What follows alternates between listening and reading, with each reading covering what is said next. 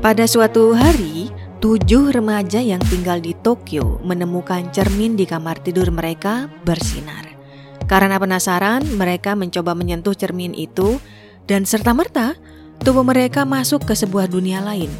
Ke sebuah kastil menakjubkan yang dipenuhi dengan tangga berliku dan lampu gantung yang berkelap-kelip. Di kastil ini sudah menunggu seorang gadis aneh yang menjelaskan aturan-aturan yang bahkan lebih ganjil lagi kedengarannya. Ketujuh anak terpilih ini diberikan tantangan untuk menemukan rahasia kastil dan yang berhasil menemukan rahasia ini akan dikabulkan permintaannya. Tapi ada satu regulasi yang harus mereka patuhi. Jika mereka tidak kembali ke dunia nyata pada jam 5, mereka akan mati. Pelan-pelan satu demi satu kebenaran terkuak dan tidak mudah untuk menerima atau melalui itu semua. Butuh lebih dari sekadar keberanian untuk bisa survive.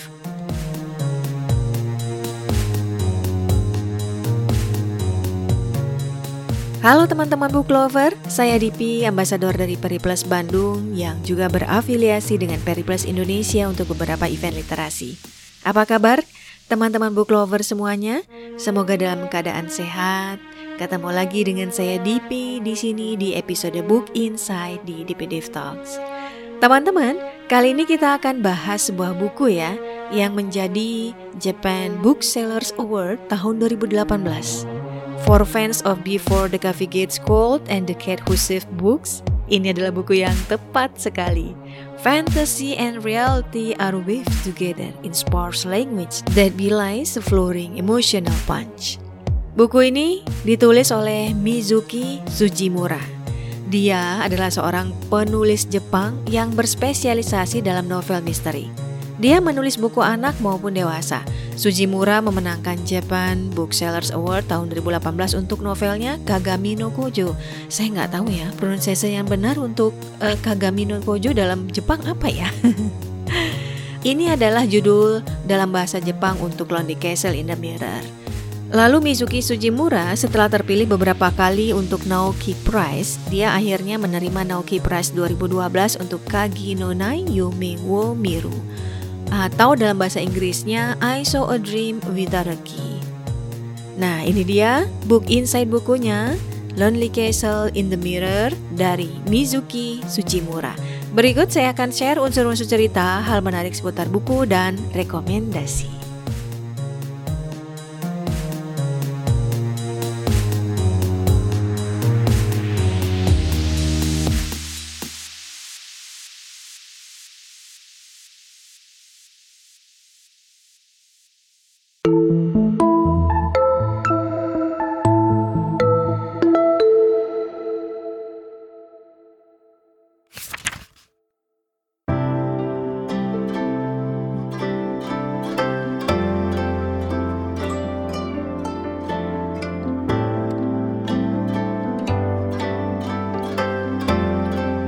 Lonely Castle in the Mirror ditulis oleh Mizuki Sujimura jenis buku Magical Realism, Fantasy Fiction, dan Science Fiction.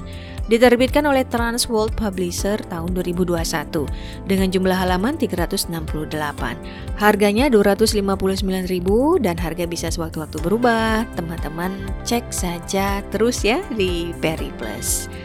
Edisi yang saya baca edisi paperback dan teman-teman kalau mau bisa langsung ke Periplus Bandung di Instagram mereka periplus underscore setiabudi. Oke, saya masuk ke unsur-unsur cerita ya. Yang pertama adalah tentang tokoh. Jadi di dalam buku ini ada tujuh remaja kan ya. Namanya Kokoro, Rion, Aki, Fuka, Masamune, Subaru, uh, Ureshino, itu adalah tujuh remaja yang menjadi tokoh cerita. Barangkali kalian akan seperti saya, teman-teman, yang sulit menentukan dengan cepat apakah tujuh tokoh utama ini likable atau tidak. Jadi memang harus sabar-sabar ya membaca bukunya sampai tamat untuk tahu perkembangan karakter tiap tokoh. Deskripsi karakternya memang dalam sih dan terasa. Untuk deskripsi fisik, um, deskripsi fisik tokoh menurut saya mencukupi tapi dia tersebar jadi nggak dalam satu paragraf atau alinea gitu misalnya kayak Kokoro nih yang melihat dirinya berpenampilan seperti orang sakit gitu disebutkan di bukunya.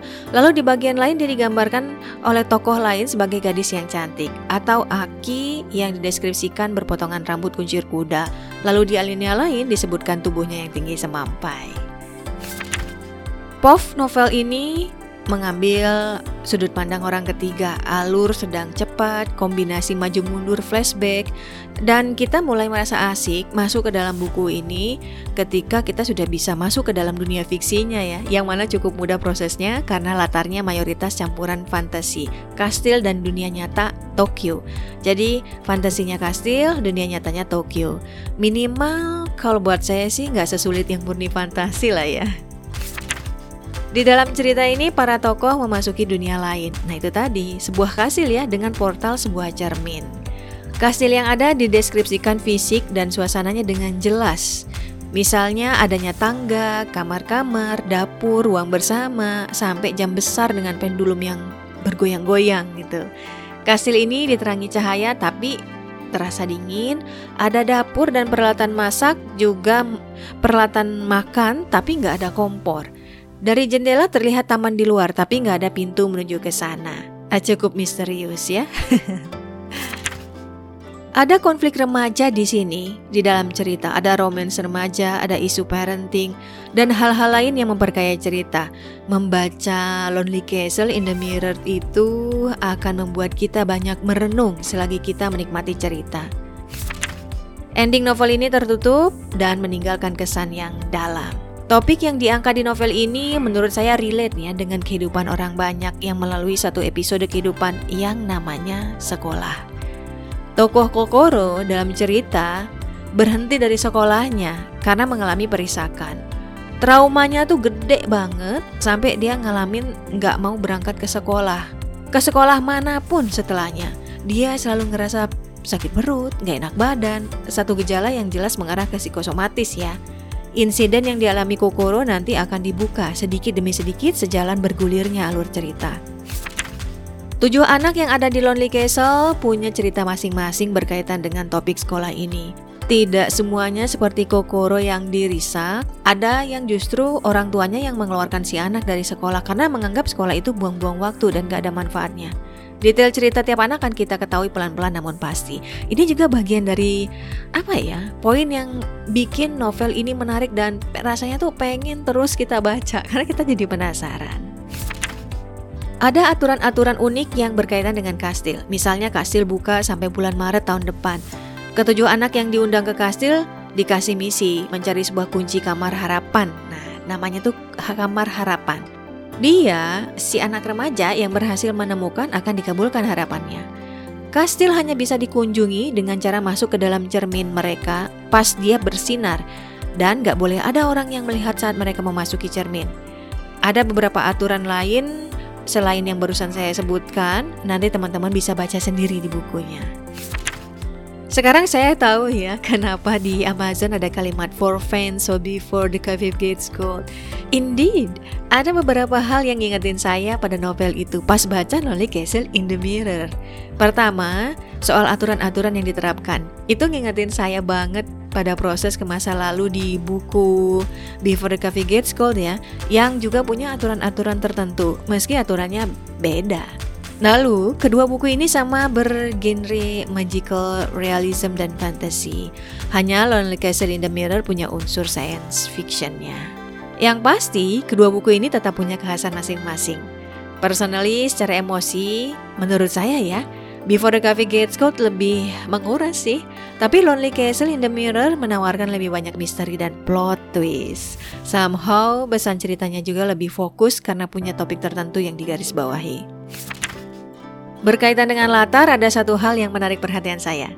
Itu soal kamar Kokoro yang dipenuhi dengan koleksi buku-buku fairy tales yang bukan hanya dalam bahasa Jepang, tapi juga ada yang bahasa asing, Inggris, Perancis, Jerman, dan bahasa lainnya.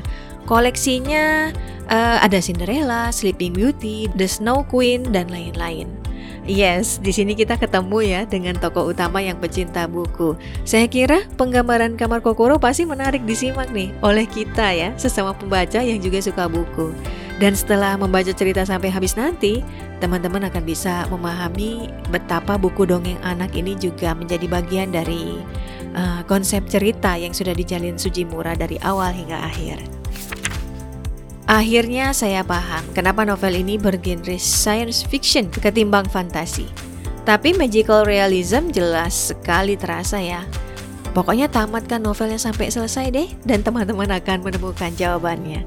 Apa yang kalian kira predictable mungkin gak semudah kelihatannya.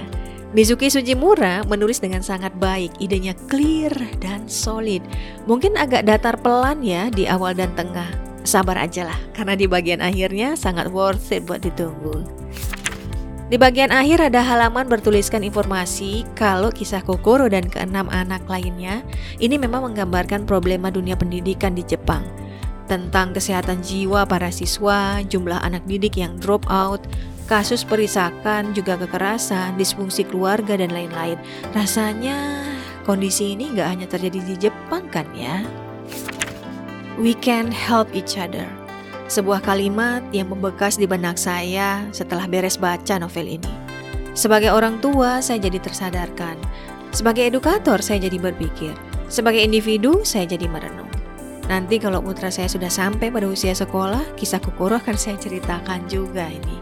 Akan lebih baik juga kalau dia baca sendiri, lalu mendiskusikannya dengan saya. Saya sebut Lonely Castle in the Mirror sebagai buku dengan sebuah misi.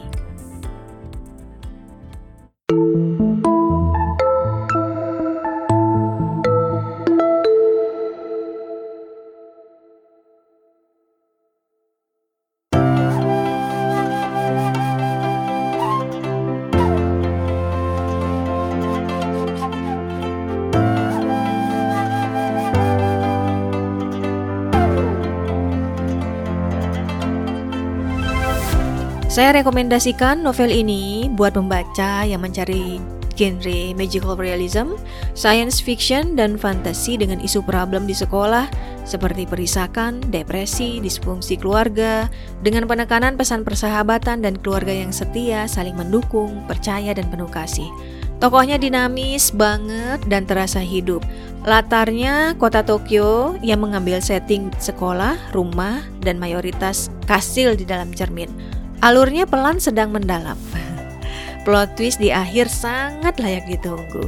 Ending tertutup meninggalkan pesan yang hmm, deep ya tentang harapan dan bahwa masa-masa sulit akan terlewati dengan saling membantu satu sama lain.